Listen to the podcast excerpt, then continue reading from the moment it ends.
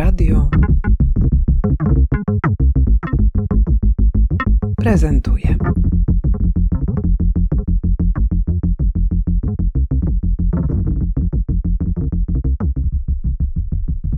Jadwiga Sawicka. E, Jestem artystką wizualną i czasami także robię wystawy.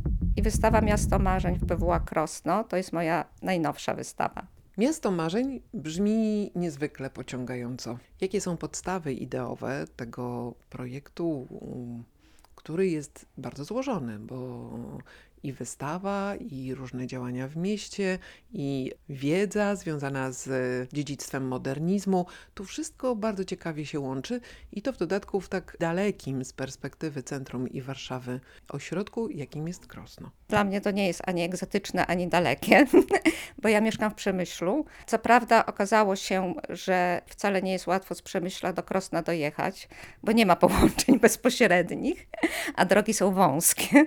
Ale wzięło to się w ogóle stąd, że zostałam zaproszona razem z Magdą Ujmą, żeby, bo jest 40-lecie galerii BWA i żeby coś zaproponować. I to jakoś to miasto marzeń wpadło mi dosyć szybko jakby na myśl. Pociągało mnie to taka mm, wieloznaczność, właściwie dwuznaczność. I ta y, dwoistość to się jakoś tak przewija tutaj. Dwuznaczność słowa marzenie, że marzyć można o czymś bardzo konkretnym, czyli właśnie o lepszym mieście, w którym ma e, więcej zieleni na przykład, lepszą komunikację, e, jest wygodniejsza do życia, ale można także marzyć, po prostu śnić na jawie, gubić się e, właśnie w fantazjach różnych. Te dwa marzenia, rodzaje marzenia do miasta mi bardzo pasowały. I stąd właśnie ta dwoistość także się w tym przejawia, że e, jest wystawa w galerii i w galerii właśnie to jest e, to marzenie takie projektowe, ale tak te projekty są e, także wizjami. Są konkretne projekty i są wizje.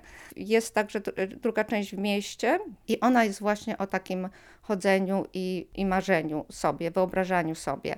Także jedna część dzieje się pod takim patronatem modernizmu, a ta część w mie- w mieście surrealizmu raczej. Ale tak właśnie mówię z grubsza, dlatego że z jednej strony właśnie modernizm, no to nawet nie wiedziałam, jak zaczęłyśmy rozmawiać o wystawie, projekcie, że w Krośnie działał właśnie taki modernistyczny architekt, Alfred Jan Kołder i że w, w galerii pracuje Katarzyna Solińska, młoda entuzjastka architektury i modernizmu, która tym architektem się po prostu zajmuje. To jest jej y, pasja i taka, którą ona praktycznie realizuje. Robi pra- na przykład spacery trasą mm, tych realizacji Kołdera, które on, no właśnie, część, y, dosyć dużo on faktycznie zrobił. Y, Wille w różnych miejscach Krosna i stąd właśnie spacer.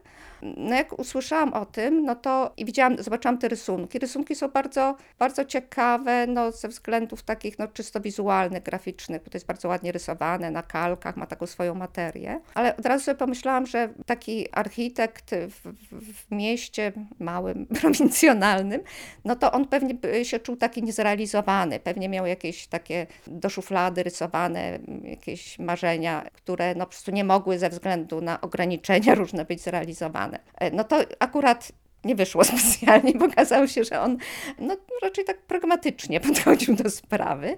I owszem, miał do szuflady rysowane, ale to były rzeczy, które były rodzajem oferty. Przedstawiał e, klientom i one uległy, ulegały różnym jakimś modyfikacjom, ale no, pod kątem takim już, e, jak już wchodziły w realizację. Ale okazało się, że istnieje plan rozbudowy miasta Krosna, Romana Felińskiego i to rzeczywiście jest wizja, bo to jest całościowe, bo to y, rzeczywiście bierze pod uwagę dobro mieszkańców, ich interesy, nie tylko takie materialne, że ma być wygodnie, chociaż także, no bo że właśnie, żeby rozplanować ulice, żeby było dużo zieleni, ale także to, że mają być instytucje kultury i że one mają być tak uplasowane, tak y, zaprojektowane, żeby, mm, żeby podkreślić ich rolę, że zauważa Feliński z troską, że nie ma takiego miejsca Krośnie, gdzie ludność mogłaby popatrzeć na swoje miasto i chce wykorzystać wzgórza. No i ten plan, właśnie taki no, bardzo fajnie pisany, że wszystko można jeszcze od początku wymyśleć, tak jak budowano Gdynię, jak planowano Gdynię. Więc to było jakby to pokolenie i ten, ten rodzaj wizyjności. I Kołder się jakoś tam wpisywał w ten plan. Po prostu te, te jego wille e, bardzo były idealnym wypełnieniem tej, tej zrealizowaniem tej wizji. No ale no, no, ten plan nie został zrealizowany.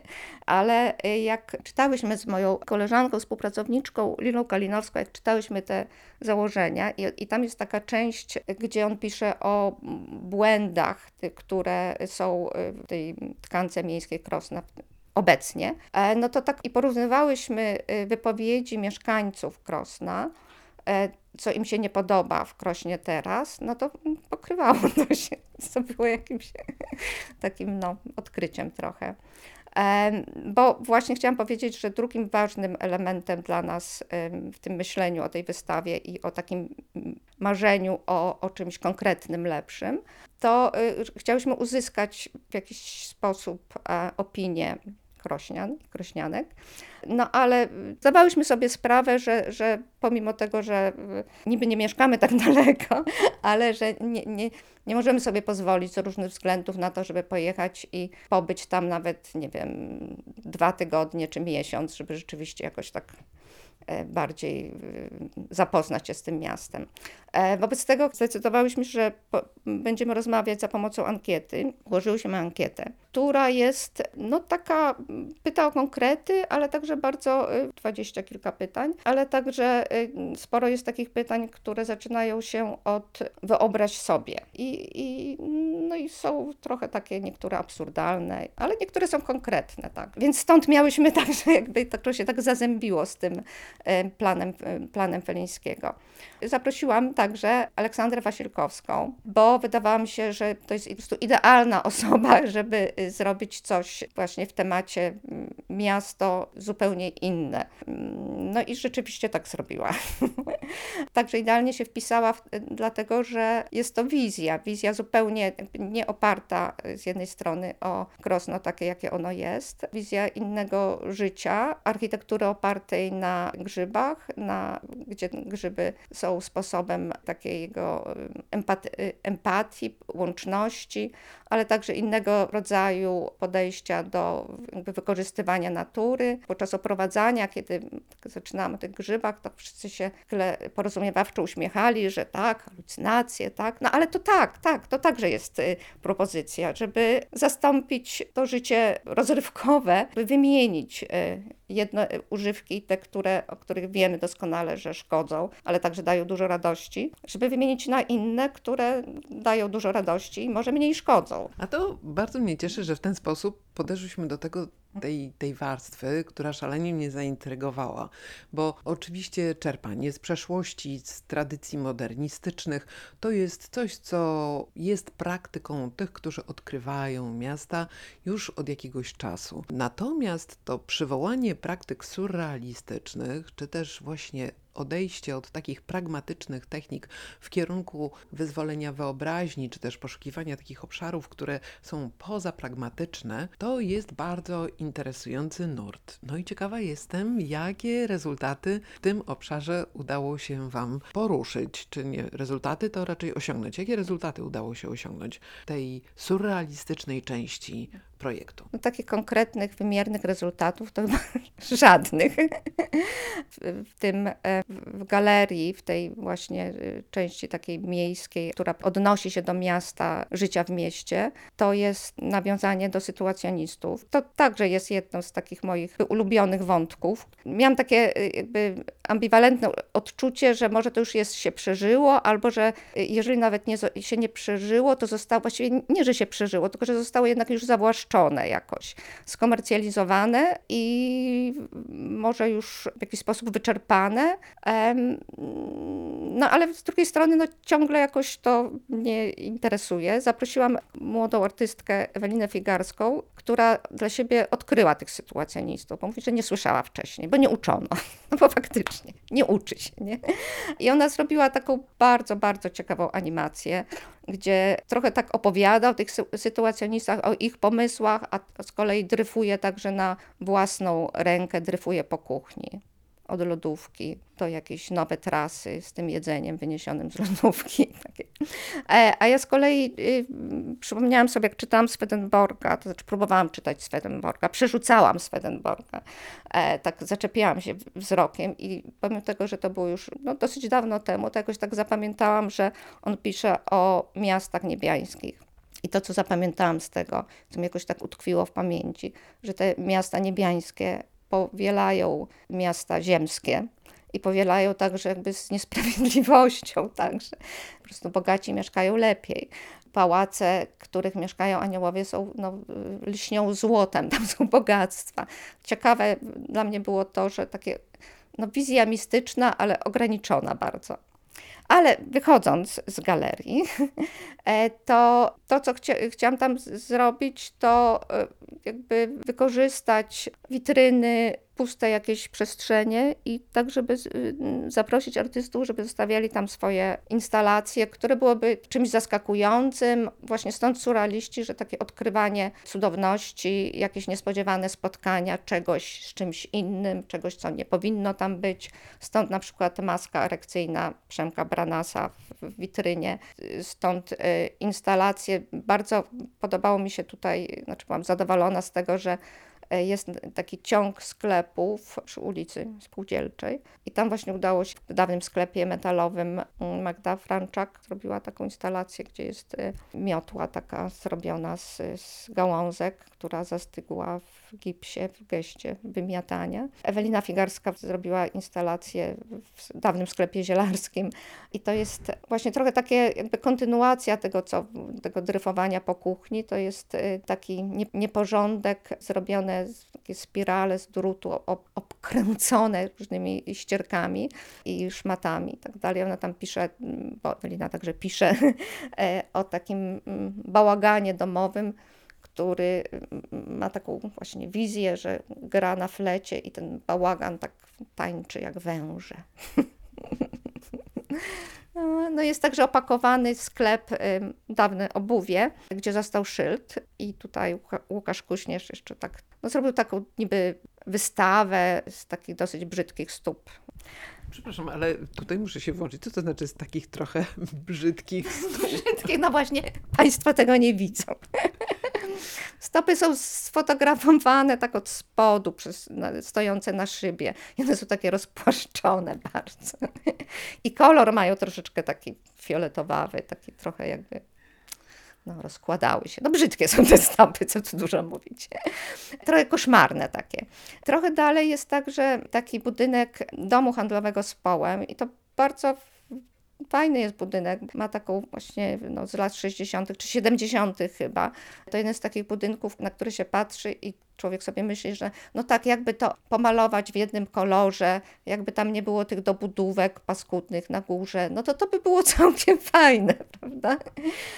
Budynek został kupiony przez niedawno przez prywatnego właściciela, który ma jakieś zamiary, ale jeszcze nie zrealizowane. I tam jest taki sklep z połem, który wygląda trochę jak taki, zresztą wszyscy mówią w Krośnie, że to jest taki zabytek, taki skansen. Rzeczywiście jak się wchodzi, to tak lata 80., 90., dużo przestrzeni. E, No i w holu e, tego sklepu są gabloty puste, już opu- właśnie opuszczone. I w tych gablotach zainstalowała się Magda Franczak i zrobiła taką. To jest jakby druga część, bo ona jest także w tym sklepie metalowym.